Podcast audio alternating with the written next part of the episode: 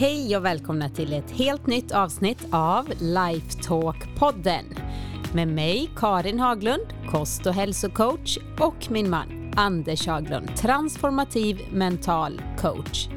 I den här podden får du svara på frågor inom personlig utveckling och mental hälsa. Hur du lever ett bättre liv helt enkelt, inifrån och ut och blir den bästa versionen av dig själv.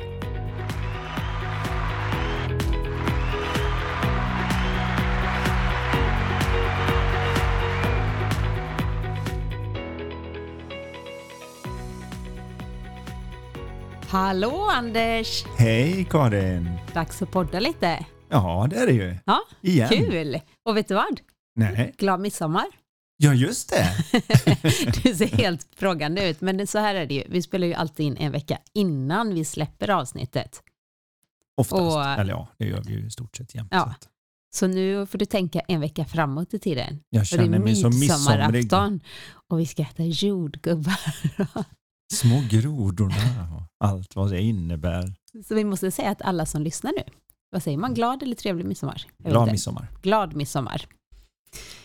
Så på med ett Eh, smile och På med ett smile och, Och så här är det. Njut av det här avsnittet för vi tar faktiskt eh, sommarlov sen, podden. mm, det gör vi. Men det finns ju 22 avsnitt att lyssna i kapper på om ni inte har hunnit lyssna på alla. Ja. Så är vi gör det tillbaka den 6 augusti igen. Mm. Mm. Så eh, vad säger du? Ja, det är väl lika bra Vi- att köra vi igång bara och kör höra på. vad du har för frågor. Jag älskar era frågor. Då eh, börjar jag med första frågan. Jag har en fråga kring det här med förväntningar och besvikelse. Jag mår alltid sämre mentalt på vår och sommaren. Jag tror att det har att göra med att det är så mycket förväntningar på att man ska må bra, göra massa roliga saker, åka till stranden, hitta på utflykter, resa och så vidare. Jag blir bara stressad och får ångest för att jag mest sitter hemma. Hur kan jag komma ur detta? Finns det något som heter sommardepression? Kram från Anna. Mm. Det är ju en fråga det här och ibland när man svarar på den här typen av frågor, för jag förstår ju att den här personen naturligtvis sitter i för dem en allvarlig situation där de tycker att det här är jättejobbigt. Men sanningen är ju fortfarande att midsommar, eller vad säger jag, sommardepression eller vårdepression eller höstdepression. Alla de sakerna handlar om att det är den period där jag ger mig själv anledning att ha ovanligt mycket tankar. Som jag då döper om till förväntningar eller till något annat. Men det är bara kodord för att nu sitter jag här och tänker en massa istället för att gå ut och göra någonting. Och det kan vi ha på alla möjliga ställen. Jag tror att många har det till exempel efter att de blivit föräldrar. De har en idé om vad det innebär att vara den perfekta mamman och pappan. Och så har de tankar om det. Och så lever inte världen upp till det. Jag hörde någon fysiker som fick frågan. Liksom, ah, men vad fanns innan Big Bang? Och då sa han det att det vet vi inte, det är det som är grejen med att vara vetenskapsman. Och universum är inte skyldig dig att du ska förstå det. Alltså med andra ord, den sitter ju inte där för att vi ska fatta det och ge oss någon mening eller liknande. Utan det är ju där för oss att upptäcka och utforska och ha roligt med. Och samma är det med vår egen inre värld och med alla de årstider och annat som finns. Att funka bättre, att vara så att säga mentalt frisk innebär att man får fler och fler ställen där man inte är i vägen för sig själv och kan ha kul. För en del är det att de sätter en enorm press på sig själva när de ska ut i sociala sammanhang. Nu är det party, nu är det fest, nu ska man vara kul och hoppa och studsa och vara rolig. Och här står jag i ett hörn och säger ingenting. Till Mm. exempel. Det är en, en variant på det här. Och alla har sitt lilla kors att bära där man tycker att ah, men det här får inte jag till. Men grejen är att, att se att det som är i vägen är att jag försöker tänka mig ur att jag tänker för mycket. Men just det här med sommar och förväntningar och må dåligt för att man inte riktigt gör som man tror alla andra gör. Man kanske ser Mm. på sociala medier och vad ser man där? Jo, men där ser man ju den där perfekta stranddagen eller någon och så blir man matad med massa olika intryck på att alla verkar ha så himla underbart, särskilt sommartid. Mm. Och då gäller det ju att vara ganska medveten om att just det, om jag själv postar, lägger jag ut det där äh, den regniga dagen jag satt och hade urtråkigt, Eller oftast då kommer det inte ens på tanken att ja, jag fotar det här nu och lägger ut det. Utan man var lite medveten om att det är nog många som känner igen sig i Annas situation. Jag tror att väldigt många känner igen sig för vad man gör idag det är att man jämför sig inte längre med byn där man bor. En gång i tiden så hade vi ju liksom ett litet gäng med människor runt oss och så jämförde man sig inte med dem. För det är ju själva jämförelsens tyranni är ju att vi allihopa har en tendens att känna att han har en sån bil och den är ihop med en sån person. Och de klär sig så, de beter sig så, de kan det här och det borde jag också kunna. Och Det gav upphov till en gäng med tankar men när man jämför sig med tio personer så är det ju skillnad mot jämförelse med fyra miljoner pers i Facebookflödet. Så vi får ju ihop folk som har den där inga roliga dagen och den som har bilen och skaffat jetski och varit ute och mm, paddleboardat och varit ute på yogapasset och sitter nu i det lugna stället på det ena och de tar bilder från den där restaurangen och det är som att jag ska göra allt det. Och det har till och med blivit uttryck i FOMO, fear of missing out. Just det. Att man hela tiden, vad man än gör så är det som man kan titta och säga, ja men jag borde ha gjort något annat. För det finns så mycket grejer att välja på så vad jag än gör så bleknar det säkert i jämförelse med vad jag skulle kunnat gjort om jag hade gjort ett bättre val. Och Det är det jag menar med att det är jämförelsens tyranni.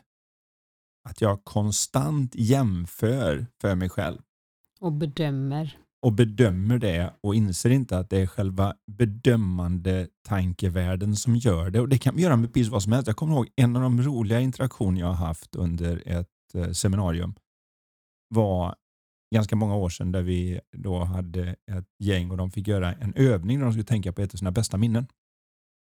Och när de nu skulle tänka på ett av sina bästa minnen så skulle den andra personen fråga ut dem om exakt hur de gjorde inne i huvudet för att det skulle bli så. Så man kan säga att då ställde de frågan som när du ser det här, ser du det i färg eller ser du det i svartvitt? Ser du det här i tredimensionellt eller ser du det tvådimensionellt? Är bilden jättestor eller hur liten är den? Ser du det från dina ögon eller ser du det från det andra? Ganska avancerade frågor om den inre värld som vi alla har som man kanske nästan aldrig tänker på för det bara flippar förbi ganska snabbt. Mm. Och Då kommer en kvinna upp som gör den här övningen och säger det. Jag kan inte göra den här övningen. Och så här, varför inte det då? Nej, men jag är inte en visuell person. Jag har väldigt svårt att se bilder. Och då sa okej, okay. om man sa att hon mådde dåligt över idén, så jämfört med vad då? Ja, men jämfört med min partner till exempel. Hon, den här tjejen som hon då gjorde övningen med, hon har fantastiska bilder. De är färgstarka och de är det ena och det tredje.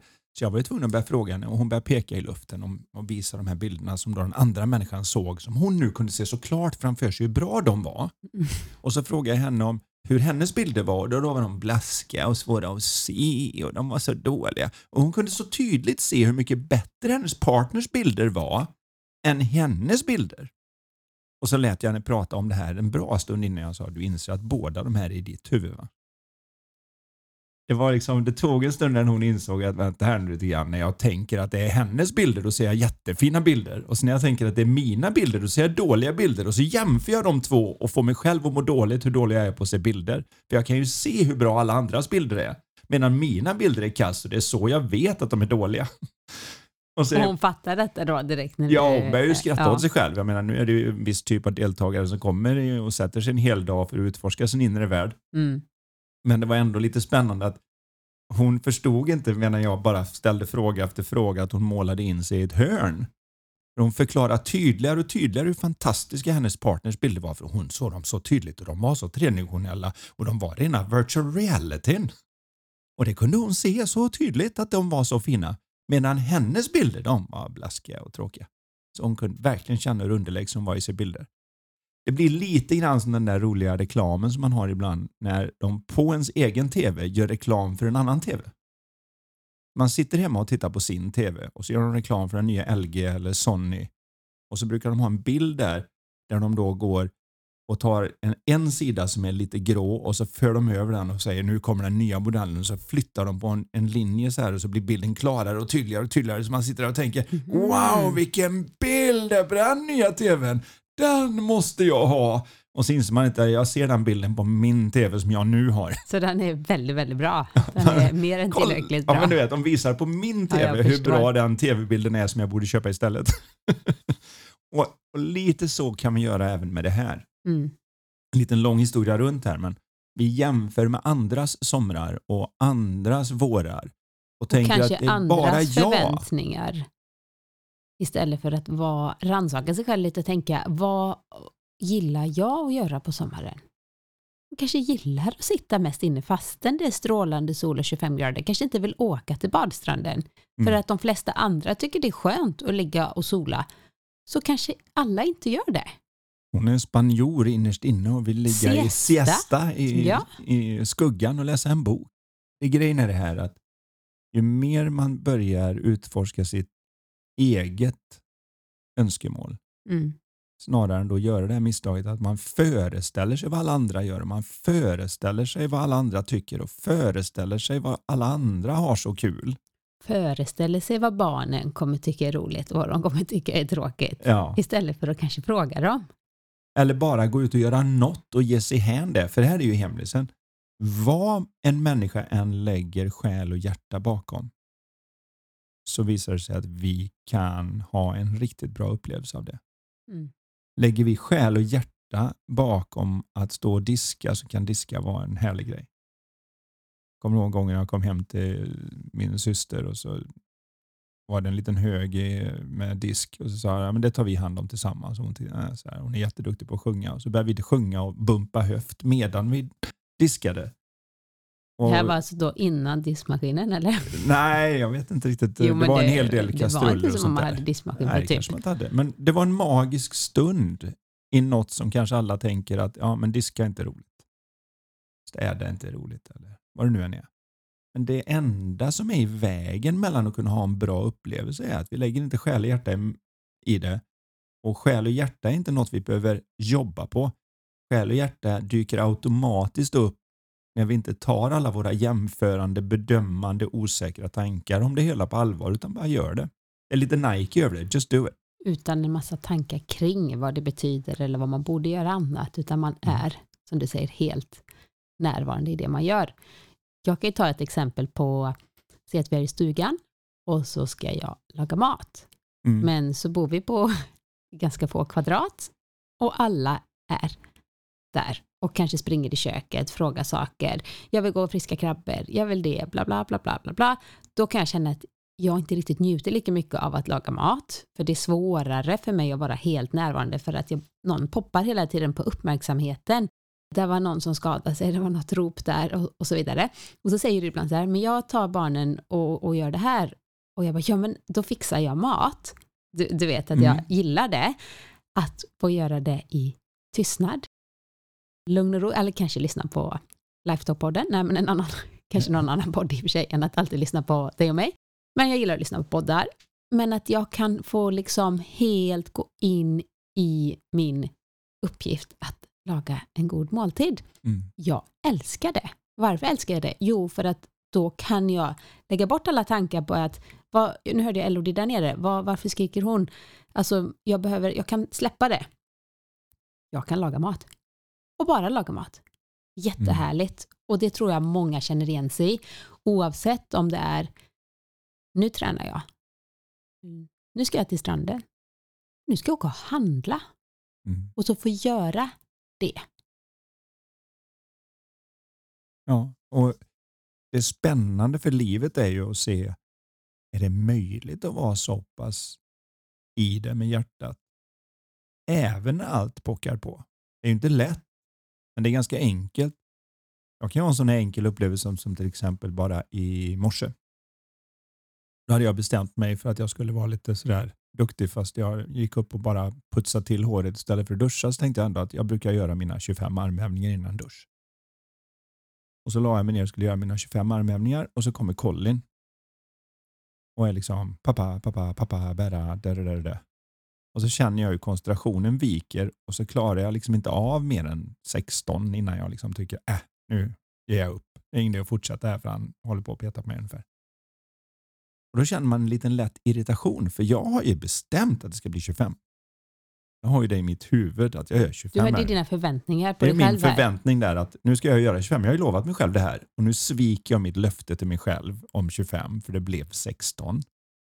Och så vänder jag mig om och är på väg att vara lite irriterad när jag säger vad är det Colin? Det blir lite den här edgen i det egentligen. Och så insåg jag precis att han är bara här för han har ingen aning om vad jag har bestämt att jag ska göra. Och det är jag som väljer att avsluta. Jag hade kunnat ta en liten paus uppe med raka armar och sagt vänta lite Colin, jag ska göra nio till. Mm. Så hade, hade det kunnat vara det. Eller att jag avslutar och bara vänder mig om och är helt där istället. För det kluriga är ju att vi också har tankar och förväntningar om när det är okej att lägga själ och hjärta bakom. Just det. De tankarna har så att säga diplomatisk immunitet för de är inte mina problemtankar. De är de vettiga tankarna jag har när jag bedömer om jag bedömer. Men vet du vad jag trodde du skulle säga?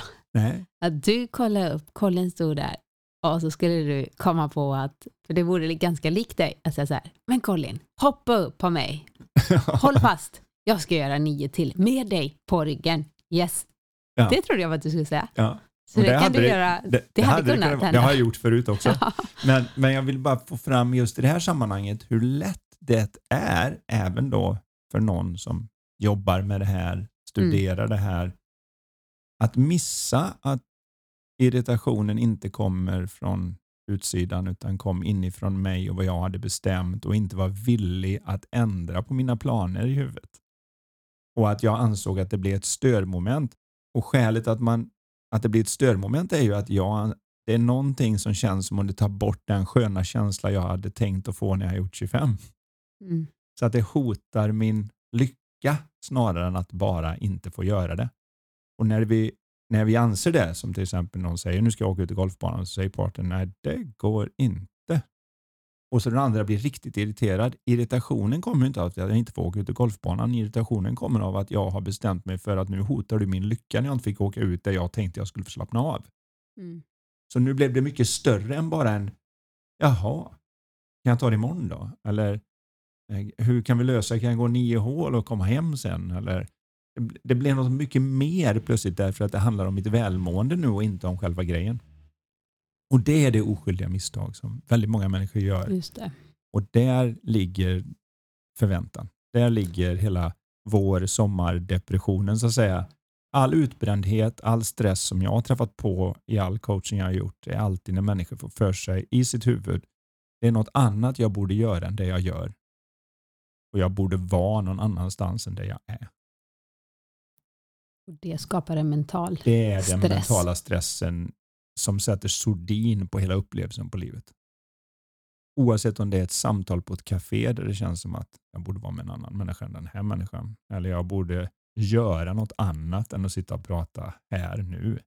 Så fort de tankarna dyker upp så flyger all möjlighet om att ha en bra stund medan det här pågår. Utan snarare så känns det bara, hur lång tid har jag? Hur länge måste jag sitta för att fortfarande anses vara en bra kompis?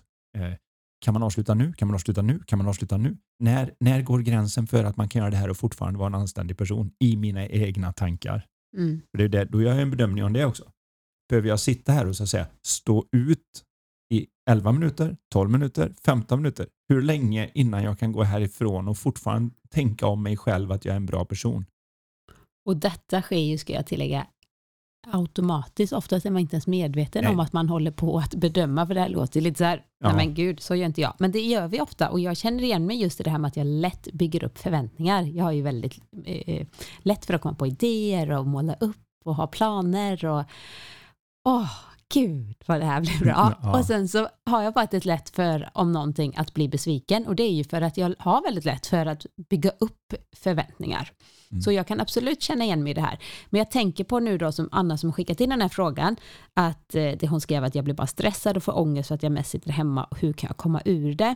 Mm. Och då tänker jag att när man är i det tillståndet då man håller på och bedömer och tänker jag borde vara där, där, där, då är man ju inte i sin så här kreativa mode att man kommer på att ja, men jag kan ju ringa Dan, vi skulle kunna göra det. Utan då, då blir man ännu mer så här, lite låst. Mm. Så hur, hur kommer hon ur, är det förståelsen då?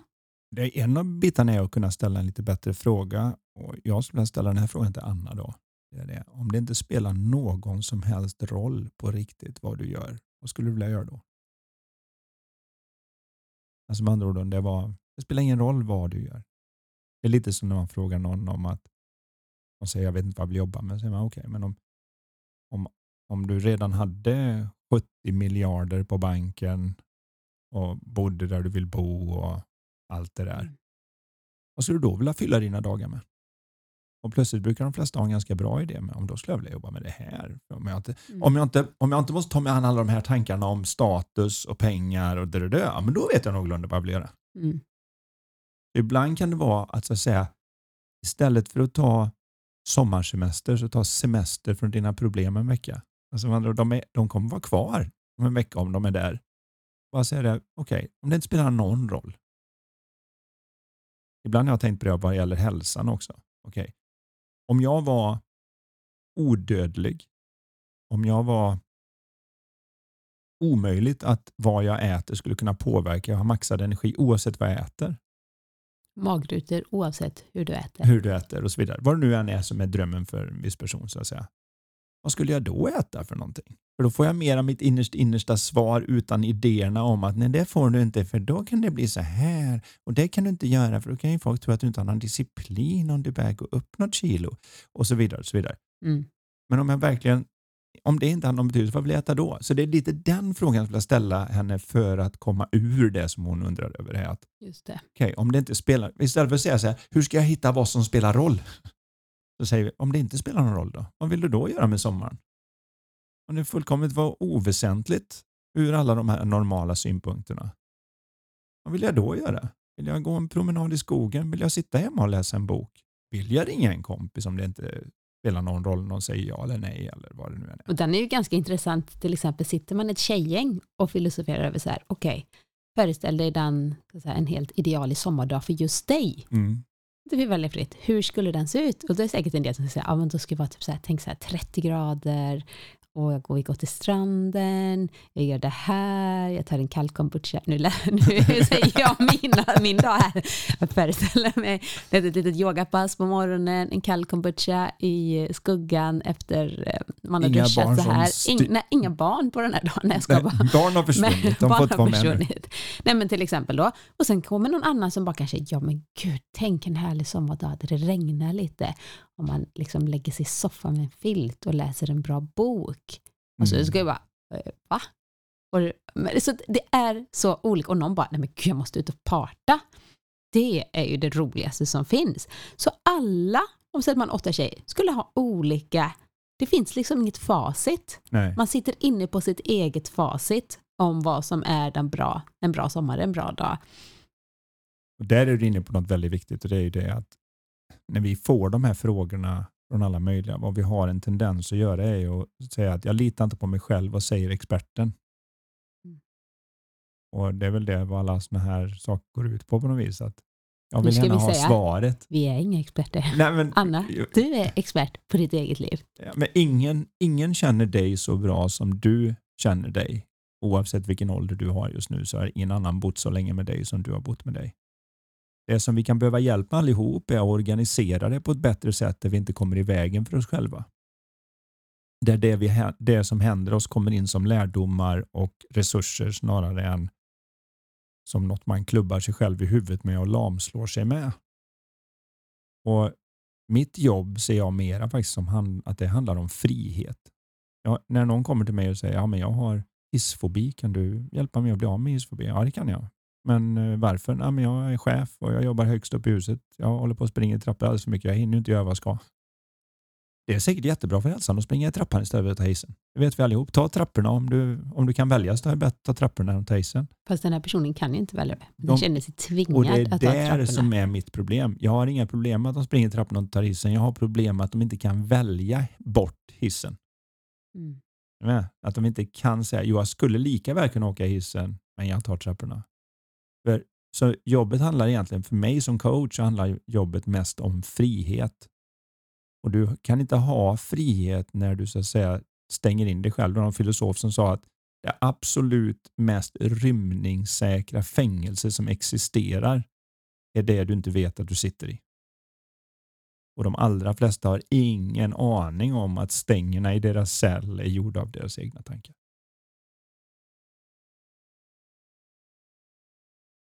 Nu blir det lite tyst igen. Som vanligt. Taking my breath away. Väldigt bra. Så nu tar vi en ny fråga, för det här var så bra. Anders och Karin, tack för en jätteintressant podd. Jag är mamma till två tonårsdöttrar som verkar älska sina mobiler mer än mig. Alltså, de bär alltid med sig sina mobiler, chattar, fotar, filmar och håller på. Har svårt att nå dem och prata om viktiga saker då de ständigt har ett öga på sina skärmar. Detta gör mig så ledsen. Jag vill inget annat än att de ska anförtro sig till mig och att vi kan ha närvarande samtal. Hur kan jag hitta en väg att nå dem och berätta hur jag känner? Ja, det här är vi ju real time i själva. Och jag, jag tror påstå. så många känner igen sig i det här. Och det här var ett problem som våra föräldrar inte hade. Mm. Eller så kan de ha tyckt att vi pratar mycket i så sladdtelefon, att man satt fast i sitt rum. Jag ja. kommer snart, men jag sitter och pratar i telefon nu. Jag vet att mina föräldrar tyckte det var min syster i alla fall när hon var 15-16 och började dejta. Så att det var bara att hänga på telefonen. Det var ju som hon ägde den alldeles själv. Mm. Och Idag så har vi ju samma problem, men det är ju gånger tusen. Mm. Och Man ska ju veta det att alla beroenden, för det här handlar ju om ett beroende, det finns få saker som är så beroende som det här. Alla beroenden är ju en lösning på något känslomässigt problem som vi står inför. Där jag inte riktigt gillar känslan jag har. Och Jag håller på med det här inför ett seminarium och sånt och även en webbkurs som jag håller på med. Där jag har funderat mycket på det här. Och En av de delar jag upptäckte är ju att när vi får, när hjärnan får för mycket saker färdigt så att det redan är klart, för det är ju vad det är när man tittar på Youtube och annat. Det är färdigt, du behöver inte tänka, allting är där. Det underhåller dig, det förströr dig, det förvånar dig, det får dig att skratta, får dig att gråta, ger dig nya insikter, allt vad det nu är, men det är färdigt. Mm. Då går hjärnan in i någon form av konsumentmode. Den slutar tänka själv. Den slutar producera själv. Den blir en konsument. Och det är ju, den som har roligast är ju den som så att säga, skapar kläderna, inte den som köper kläderna. Den som har roligast är ju den som bor på plan och spelar fotboll, inte den som sitter på läktaren och kollar på fotboll. Med andra ord så är det på sätt och vis bättre att vara någon som håller på och filmar och fotar och lägger ut, skulle man kunna säga då. Ja, det är en producent, de är ju kreativa, Precis, de använder sin det kreativitet. skriver hon ju här att de i alla fall fotar och filmar. Ja. Det är i alla fall än att bara sitta och konsumera, så kan de ju också få utlopp för de får sin kreativitet massa grejer. och, och lär sig saker. Vi vet ju inte heller att det kan vara så om tio år så har du inte ens en plats i världen om du inte är duktig på det här. Då behöver du ha spenderat åtta timmar om dagen med att hålla i telefonen för att ens vara relevant om tio år. Det har vi ingen aning om. Men vi vet inte vart världen är på väg. Men det vi kan säga är i varje fall att sättet att nå dem och få en chans att prata, det är att bli intresserad av vad de håller på med och vara med. Ta en stund och sätta sig och säga, vad kollar du på? Intresserat snarare än lite attityden, vad i helsike kollar du på? Lägg ifrån dig mobilen vad nu slösar du prata. bort din tid på? För när jag var ung då satt man och pratade och här sitter du med den och gör en jäkla slöseri. Det är ju lätt att hamna i mm. den konflikten. Mm. Och Vad som händer när det blir en konflikt är att båda parter polariseras in i en ståndpunkt som man inte ens själv håller med om från början. För det blir ju mer så att säga, konflikter blir, ju mer argumenterar man för sin sida och då hamnar man längre och längre ut på kanterna istället för att komma närmare varandra. Och vad vi människor innerst inne vill, är att hitta connection. Vi vill ju känna att vi är connectade och vi vill känna att vi är kreativa och vi vill känna att vi är mer levande och vi vill känna att vi växer. Det är väl huvudsaken i den mänskliga upplevelsen, vad vi alla är ute efter. Om vi sätter oss ner med barnen och åtminstone är lite intresserade i vad de håller på med så har vi också en fot i dörren och prata med dem. Vägen in är ju att verkligen veta vad de håller på med, vara intresserad av vad de håller på med snarare än bara sluta med det där. Lägg ifrån den där. Mm. Istället för vad är det och varför är det viktigt för dig? Varför är det så kul? och så vidare. Så att du får lite information och du får en närhet för utan att ha känslan av att man är nära varandra så spelar det ingen roll hur bra det man säger eller gör är så kommer det inte fram. Och Det misstaget gör man ju själv hela tiden när man står där och tycker att nu får du sluta spela. Det en och en halv timme har du suttit med den där och vi kom överens om en timme. Mm. Kan du vara vänlig och sluta? Och så är det går inte, går inte, går inte. För de sitter ju där och för dem är det viktigaste som finns i hela världen. De, det det är deras kontakt med kompisar och allting. Vad de har för så här skin i ett spel, alltså för typ eh, kläder eller inte så, alltså ja, för gubbe än till exempel här i Nitro. Alltså jag kan inte fatta det. Hur kan man lägga pengar på att så här, uppdatera sin gubbe i en data? Men det är precis som du säger, det här, det här kommer ju bli. Vi kommer ju leva mer i virtuella världar sen. Nu kommer vi in på något helt annat än bara mental grej, men det här är något som jag har nördat på lite grann. Och det är något som heter NFT. Som står för Non-Fungible Tokens. Och Non-Fungible Tokens är att man använder något som heter en blockchain för att visa ägande virtuellt. Och ägande virtuellt för de som då har barn där ute som spelar Fortnite eller något annat och där det är så extremt viktigt att ha den där rätta pickaxen, eller den rätta skinnet, den rätta tröjan, den rätta backpacken och allt vad det kan vara. De är villiga att betala hundratals, tusentals kronor för att så att säga posera in i spelet att jag är inte en noob eller som hon kallar en nybörjare utan jag är någon som är med, jag har spelat och jag är duktig på det här och det ser du på att jag har koll på det här. Det, det som våra generationer har så svårt att förstå är ju att det är lika viktigt för dem som när vi klär upp oss för att visa att vi har koll. Titta min nya handväska eller titta här, Ja, men jag har du varit vet, hos frisören. Jag, man dressar sig lite grann ändå för att visa vem man är. Det är ju vad mode är. Att jag, jag vill visa upp vem jag är och var jag befinner mig. Det, det, är ett det är informationssystem. Mm. Eller hur? Man går inte ut i en sopsäck om man inte har lust att göra någon sorts artsy statement. Liksom. Så det, det är ju viktigt för oss. Folk är, är otroligt villiga att betala för att eh, det står Supreme på eller att det står Louis Vuitton på eller någonting. Det är ett extra värde i det. Exakt samma värde har de inne i denna världen nu och jag såg att det var en konstnär som sålde ett digitalt konstverk man har satt ihop för 69 miljoner dollar som en NFT. Alla kan titta på det när de vill. Men en person äger rätten till det digitalt och var villig att betala 69 miljoner dollar för den rätten. Så det är en helt ny värld som kommer och det är det jag säger. Mm. Det är svårt att veta vad det är man, vad man behöver. Men det vi vet är en sak och det är att så länge vi är människor så vill vi ha connection. Mm. Så länge vi är människor så vill vi känna oss mer levande. Så länge vi är människor så vill vi känna att vi växer Och vi och att vi är vill, kreativa. varken barn eller vuxna vill känna sig som slavar under sin mobil.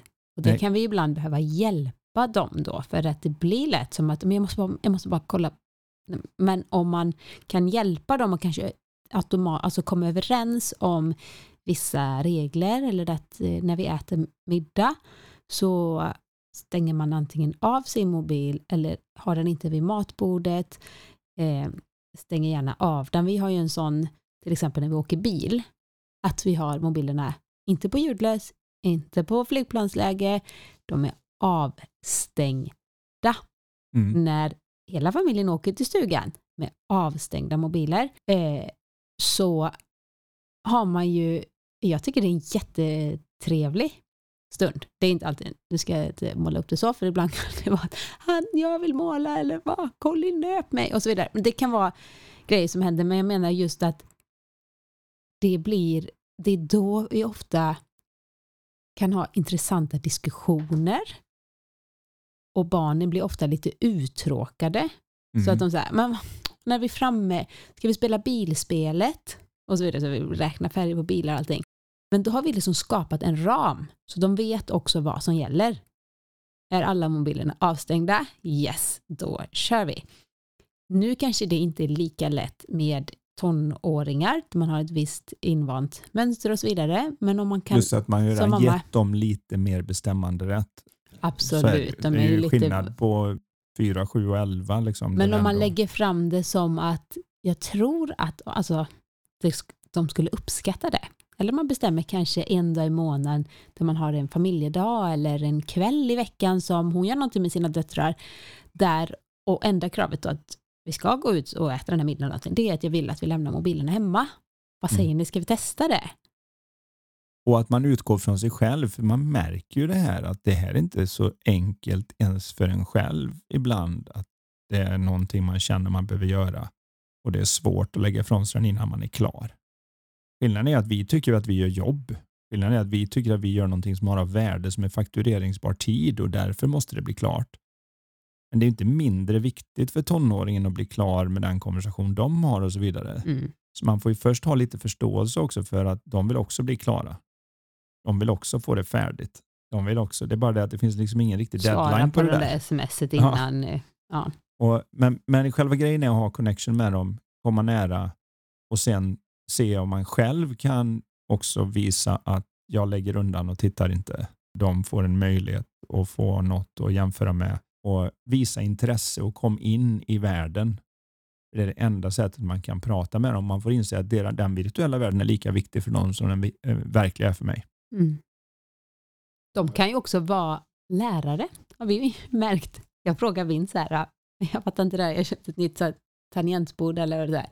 Jag fattar inte ens hur det fungerar. Och man vågar nästan inte trycka för jag tänkte, oh, nu kommer något så här försvinna på skärmen. Och Vince bara, men här mamma, här högerklickar du. Så här, och visa, jag Ja. bara, tack. och det är så härligt måste det vara för honom att kunna känna att, ja men jag, jag har liksom koll på det här, jag kan lära mina föräldrar någonting. Så det kan man ju använda sig av. Ja, Att det är de är ju superduktiga på det här digitala. Om du själv vill ta ett vackert foto, antingen på dig själv eller på någonting, så kan du fråga din, dina döttrar, så här, alltså jag skulle så gärna vilja fota det här, hur, hur skulle ni fota, vilken vinkel liksom? Ja, då kommer de undra, de kommer få så mycket tips antagligen. Men just det där att man gör det. Jag tänker på en berättelse. Jag tror, jag är inte riktigt säker, men det var någon komiker i New York som berättade att han hade blivit bullied när han var yngre. De hade några som var tuffa mot honom. Mm. Och så vid ett tillfälle så blev han då jagad bort på baseballplanen någonstans. Och jag förmodar, de, han visste inte vad han skulle göra om han blev fångad. De visste inte vad de skulle göra med honom om de fick tag i honom. Men till slut då så trängde de in där i något hörn och det ska bli bråk. Och den här framtida komikern då, han tar sin fot och så drar han en streck i sanden. Och så säger han, den där vågar ni liksom inte korsa. Och så den största killen då, han tar ju bara ett steg över och säger haha. Och då säger den här framtida komikern till honom så här, nu är vi på samma sida. Mm. Gud vad smart. Och då föll hela grejen för alla, alla garva och så var det liksom borta och han slapp stryk så att säga. Det var kanske där han, hans idé om att okej, jag kommer långt med att vara rolig. Självklart. Jag kan till och med hålla mig borta från fysisk smärta genom att vara rolig nog. Men jag tycker det ligger väldigt mycket sanning, som det mesta bra komik ligger väldigt mycket sanning i det här. Att ett av sätten är att dra ett streck, men dra inte strecket för att separera, dra strecket för att hamna på samma sida. Mm. Kom över på samma sida, var med lite mer i vad de håller på med. Gör det till en grej så att det åtminstone blir connection av det. Så det inte blir den här ständiga, ah, sitter ni där nu igen? När ska ni sluta? Kan ni lägga ifrån er dem? Till slut så blir det ju bara det där som man själv hade ibland, jag vet med min mamma, att man, man hörde inte längre. Det var bara surr i bakgrunden. Tjat, tjat, tjat. mm. Ja Mm. mamma, ja, mamma, Mm. ja jag, mamma. jag säger, vad, vad behöver jag säga för att jag inte ska behöva göra något åt det? Så Och så inser man att man är exakt likadan. Ja, ja, apan ser, apan gör, men vi försöker ju, det vill ju bli bra så vi blir lite bättre. Och allra Mm. bäst blir det om vi kan stå på den förra generationens axlar. Se allt är bra. Hade jag fått välja, så, man, nu, man kan förstå att det kan hamna där sen med genmanipulation och annat. Man skulle ju allra helst vilja ge sina barn bara och säga, här är det bästa från mig, varsågod. Här är det bästa från dig, varsågod. Här är mina, bästa här är mina gener. dåliga sidor, här är dina dåliga sidor. De skiter vi De tar vi bort. Jag vill inte att du får något av dem. Jag vill inte att Mm. du får några allergier eller jag vill inte att du får några sådana här där du blir lite moody när det här händer. Mm. Eller, allt det vill jag bara sortera bort. Och så, ah, här är allt är bra. Här, Här är pappa, när det händer då, då har du pappas sida. Är det- Här är mammas sida, hon är bra på det här. ja, är du med? Alltså, Det vore idealet. Nu funkar inte utvecklingen riktigt så, men så gott vi kan göra det här. Och, och Jag tror det är viktigt också det här med idén att vi behöver inte göra det perfekt på en livstid. Kan vi lyfta så att nästa generation står på våra axlar och har kommit lite högre upp och kan ta sig an en ny nivå av problem snarare än samma problem en gång till, Mm. så har vi lyckats. De gör ju så mycket, det går ju framåt. Vi missar det ibland när vi pekar ut allt som är fel med världen, att det går ju ändå ganska bra framåt i många delar. Men vad det gäller det här då så är mitt, eh, mitt, mitt största råd i varje fall här det är att kom över på samma sida och inse att jobba med det här med, som en connection-grej. Mm. För du har ingen traction i det Man, du köp, säger man kan köpa hem eh, boken Skärmhjärnan. Jag tror den heter så, med Anders Hansen. Kan man lägga den så lite snyggt så, på, det. på Men- Och köksbordet. redan så. understrukit vad man tycker att de borde kunna menar du? Nej, men man kan, alltså det är ganska intressant vad det här gör med oss. Men just i tonåringen kanske det här kommer ju också fasa ut. Så jag har ju väldigt svårt att tro att när de är 25 och träffar sin mamma för en lunch, att de kommer sitta med sina mobiler liksom. Alltså jag menar, det är ju också olika faser. Du satt ju, eller jag i alla fall kommer ihåg, man satt ju en viss, väldigt mycket i telefon då. Kanske just när man var tonåring. Då var man inte lika connected med sina föräldrar. Nu är jag och min mamma jättetajta. Jag Ja. berättade ju inte allt för henne. Så jag förstår att man vill så gärna ha de här att åh, man ska anförtro allting. Jag, jag sa inte allting till mina föräldrar. Det pratade jag med mina kompisar om Ja. under en viss alltså, fas i livet, en viss Mm. ålder. Medan det är annorlunda nu. Så igen där, för att återknyta till första frågan, det här med förväntningar. Det är så lätt att skapa upp en så här fantastisk förväntning och så blir man besviken för att det inte riktigt lever upp till det. Men hoppas att det här gav någonting användbart mentalt. Så eh, tycker jag vi hinner med en till fråga. Ja, Ja, titta här, den här är faktiskt till mig. Eh, eller till oss båda Vad bra kanske. kan jag luta mig tillbaka lite. Hej, jag har en fråga till Karin som jag hoppas att ni vill ta med i podden. Jag upplever en enorm hälsostress, många olika budskap, budskap kring hur man ska äta och så vidare. Läser gärna olika tidningar, bloggar och följer sidor på Facebook men blir bara mer stressad. Jag är väldigt intresserad av hälsa men märker hur osäker jag är. Vill så gärna få till att leva rätt. Karin, vad är din syn på detta och har du några tips till mig hur jag ska sålla på ett bättre sätt och våga lita mer till det jag redan kan och så vidare? Ja du, ska jag få äran här och Mm. prata lite. Du får gärna också flika in älskling. Eh, Jag tar, går och tar en liten juice och en liten Ja, gör du det. Luta dig tillbaka. Nej, men det här är någonting som jag ofta stöter på. I min eh, coaching och så vidare så är det så vanligt med den här hälsostressen. Och det är lite som den här första frågan där. Det är någonting vi skapar i oss själva genom att vi tar in allt det här, vågar inte riktigt känna efter själva vad man kan, vad man tror, vad verkar bondförnuft, vad, liksom, hur fungerar min kropp, utan vi vill så gärna att någon där ute ska tala om det här är det exakta perfekta sättet att leva, det perfekta sättet att träna, det perfekta sättet att äta och så vidare. Men det gäller att bli mer sin egen expert på sig själv. Och då kan man behöva självklart kunskap, guidning och så vidare. Men ju mer man kan titta inåt. Jag brukar ha frågor som när jag coachar, till exempel hur mätt blir du efter din lunch? Hur fungerar magen? Hur känner du dig? Är du trött? Är du pigg? Och så vidare. Och de, de flesta är liksom, va? Vadå? Jag äter och sen går jag vidare till jobbet. De reflekterar inte över hur deras kropp fungerar. Bli mer inkännande. Och det är där till exempel som när man lägger till lite andningsövningar, när man börjar yoga, när man börjar känna efter mer när man tränar, hur man rör sig och så vidare. Bli mera, att få en bättre kroppskännedom så leder det till att man också lättare kan tolka hur man mår av viss sorts mat. Man kan bli medveten om att just det, åt jag all den här lösgodisen igår. Så vaknar jag på morgonen och kände, sig, känner mig typ bakfull eller helt pluffig så här i ansiktet och ah, koppla ihop, kan det vara, ja just det, jag brukar bli sån faktiskt när jag äter lösgodis. Och då är nästa gång man ser det så kanske man känner så här, är det värt det? Nej, jag vill inte ha. Och sen märker man att suget avtar efter ett tag.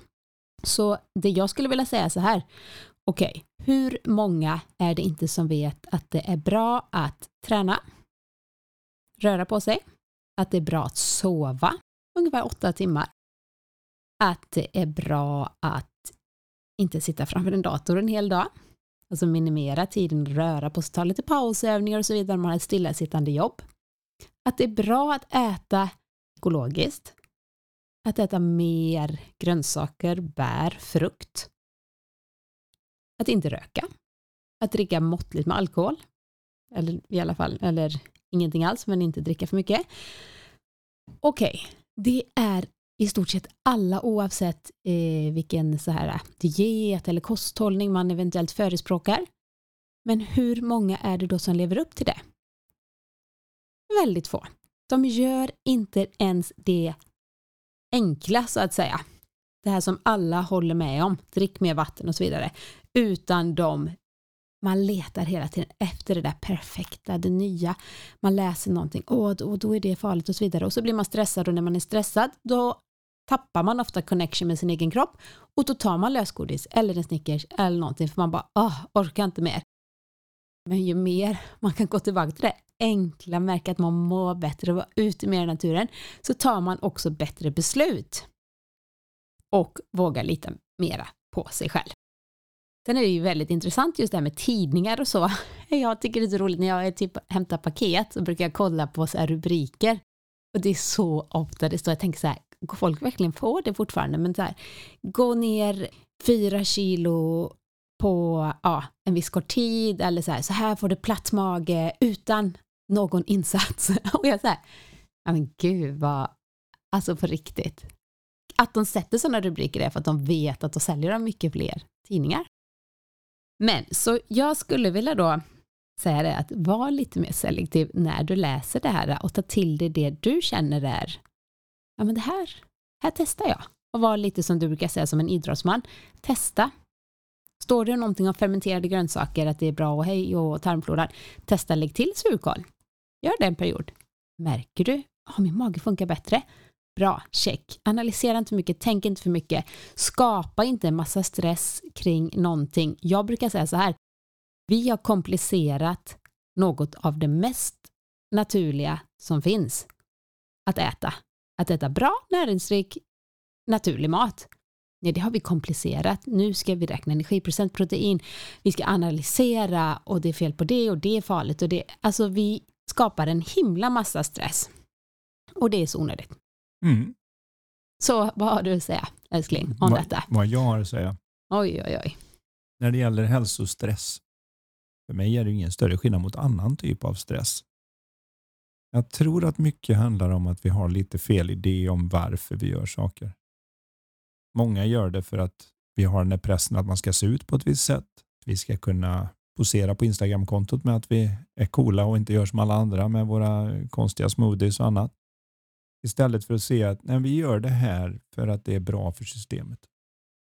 Vi gör det här för att må så bra som möjligt och vi förstår att ingenting smakar så gott som frisk och energisk känns.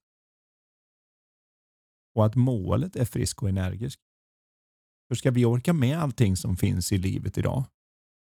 Vi ska upp, vi ska kanske fixa med familj och ordna en massa saker. Det är mellanmål och det är på med kläderna och borsta tänderna och allt det där. Har ett boende att ta hand om. Som allt ska det här. tvättas så ska du jobba hela dagen, ska du komma hem och ska du göra alla de här sakerna.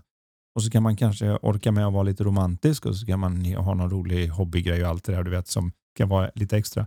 Men oavsett, med alla de här sakerna så kan vi säga att det kräver en ovanlig insats av energi och för att kunna ha den så behöver vi göra det andra. Det är lite som George Washington sa en gång i tiden, den gamle presidenten. Han sa det att om jag har fyra timmar att såga ner ett träd så spenderar jag åtminstone den första timmen med att, så och slipa sågen.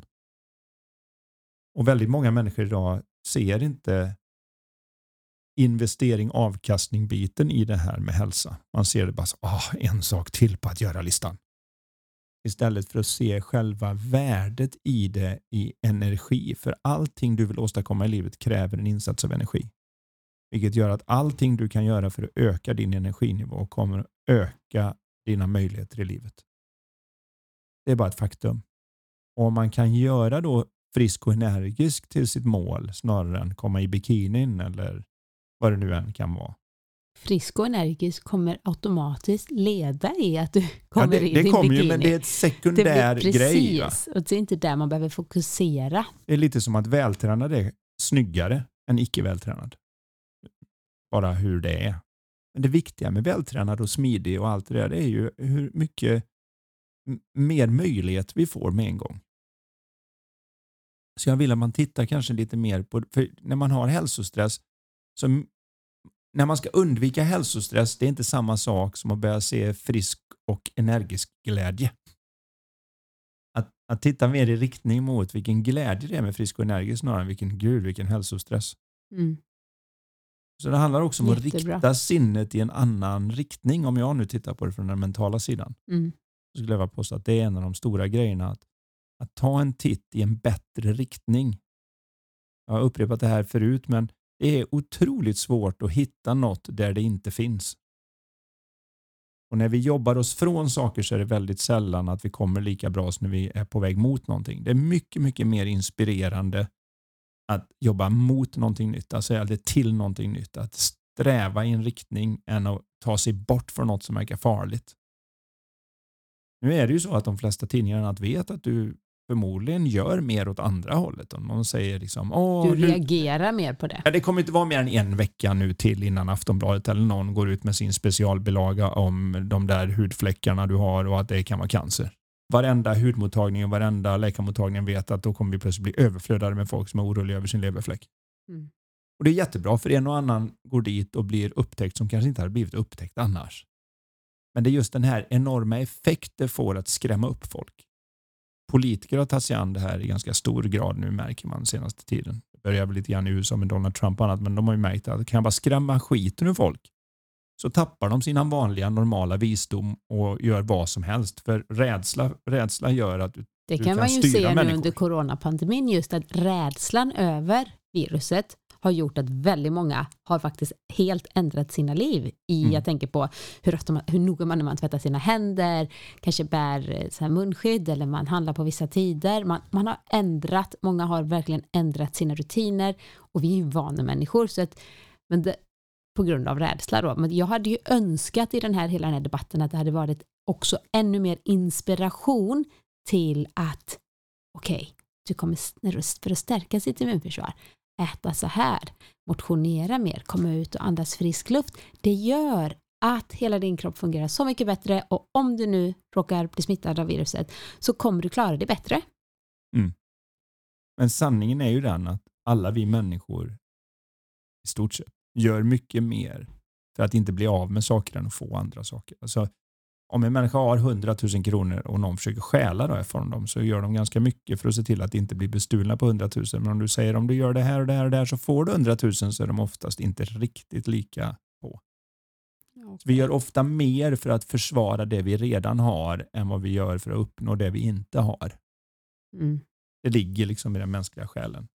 Så jag vill bara visa att det finns en bättre riktning att ta en titt i för att hitta glädjen och energin och att vi gör inte det här Alltså det är någonting som ger mig någonting på djupet varje minut jag spenderar på det här. Och det ger dubbelt tillbaka också.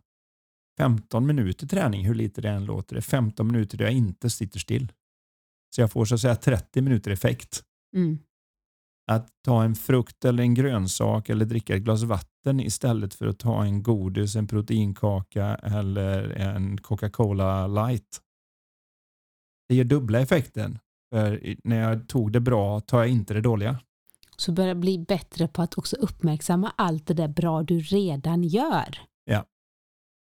Och ge dig lite cred och, och kanske sätt ett litet fokusområde. Försök inte göra allt på en gång utan ser det som att den här sommaren ska jag vara lite noggrannare. Med. Den här sommaren, då ska jag investera i mig själv och faktiskt logga in och gå Karins, Karins kurs kurser. grund till att bli sund. Det finns massor av olika kurser i olika nivåer, men också faktiskt, jag har ju fått dig att skapa en kurs i mental hälsa som är kopplat ganska mycket till just precis det här vi pratar om med hälsostress och fysisk hälsa och målsättning och hur man lyckas. Liksom. Man vet ja. att någonting är bra men ändå lyckas man inte få till det. Hur kommer det sig? Otroligt intressant om man nu får göra lite reklam så här i slutet av avsnittet innan sommaruppehållet. Ja. Men jag behöver inte fråga någon för det är vi som bestämmer. Det är det ju. Men så, så, så länge man, man säger att det är reklam. och sitter här och poddar, att man får bestämma lite grann. Nu ser jag att du håller något i handen som vi ja. brukar avsluta poddarna med, så då vet jag att ja. klockan är slagen. Ett kort från vårt Lifetalk-spel som är 88 frågor inom personlig utveckling. Det finns två olika spel att välja på. En ask som är lite guldig och en som är lite, eller bärsguldig, roséfärgad. Så nu har jag tagit en fråga här och den lyder så här. Vad är det första du skulle göra om du vann 20 miljoner? Nu, ni då som målar ni upp bilder här för ert inre vad ni skulle göra. Kanske hör ni saker Det är ju fantastiskt. Det är ju, det är ju som och den där... känner känslan av att ha vunnit 20 miljoner. Yes! Ja, det blir lite sådana där gamla historier med när kärringen som fick frågan liksom, har du köpt någon lott? Och sa nej, om Gud vill så vinner jag utan lott. vi behöver ju faktiskt göra våran del. Mm. Men det är ett intressant tankeexperiment som Albert Einstein sa en gång i tiden. Att bara föreställa sig. Och det går lite hand i hand med det vi pratade om tidigare.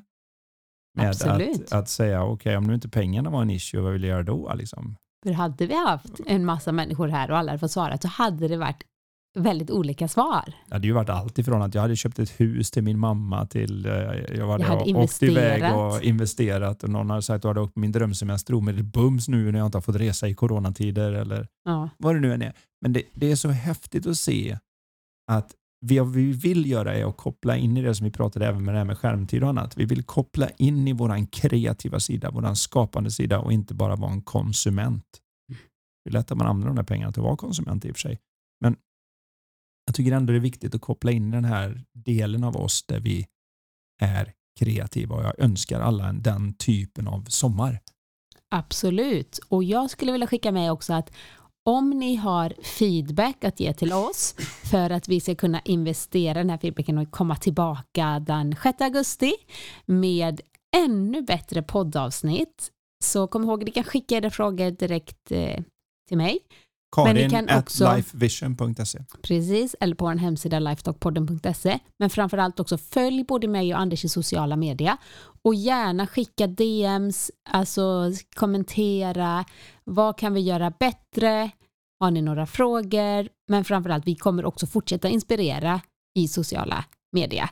Under, jag heter Karin Skrönaväd och framför mig sitter, Anders Haglund. inte så hashtag Anders Haglund. Så enkelt att följa och vi önskar er en helt fantastisk midsommar och fantastisk sommar. Så ses vi eller hörs den 6 augusti igen. Ha det så bra! Hej! Hej då!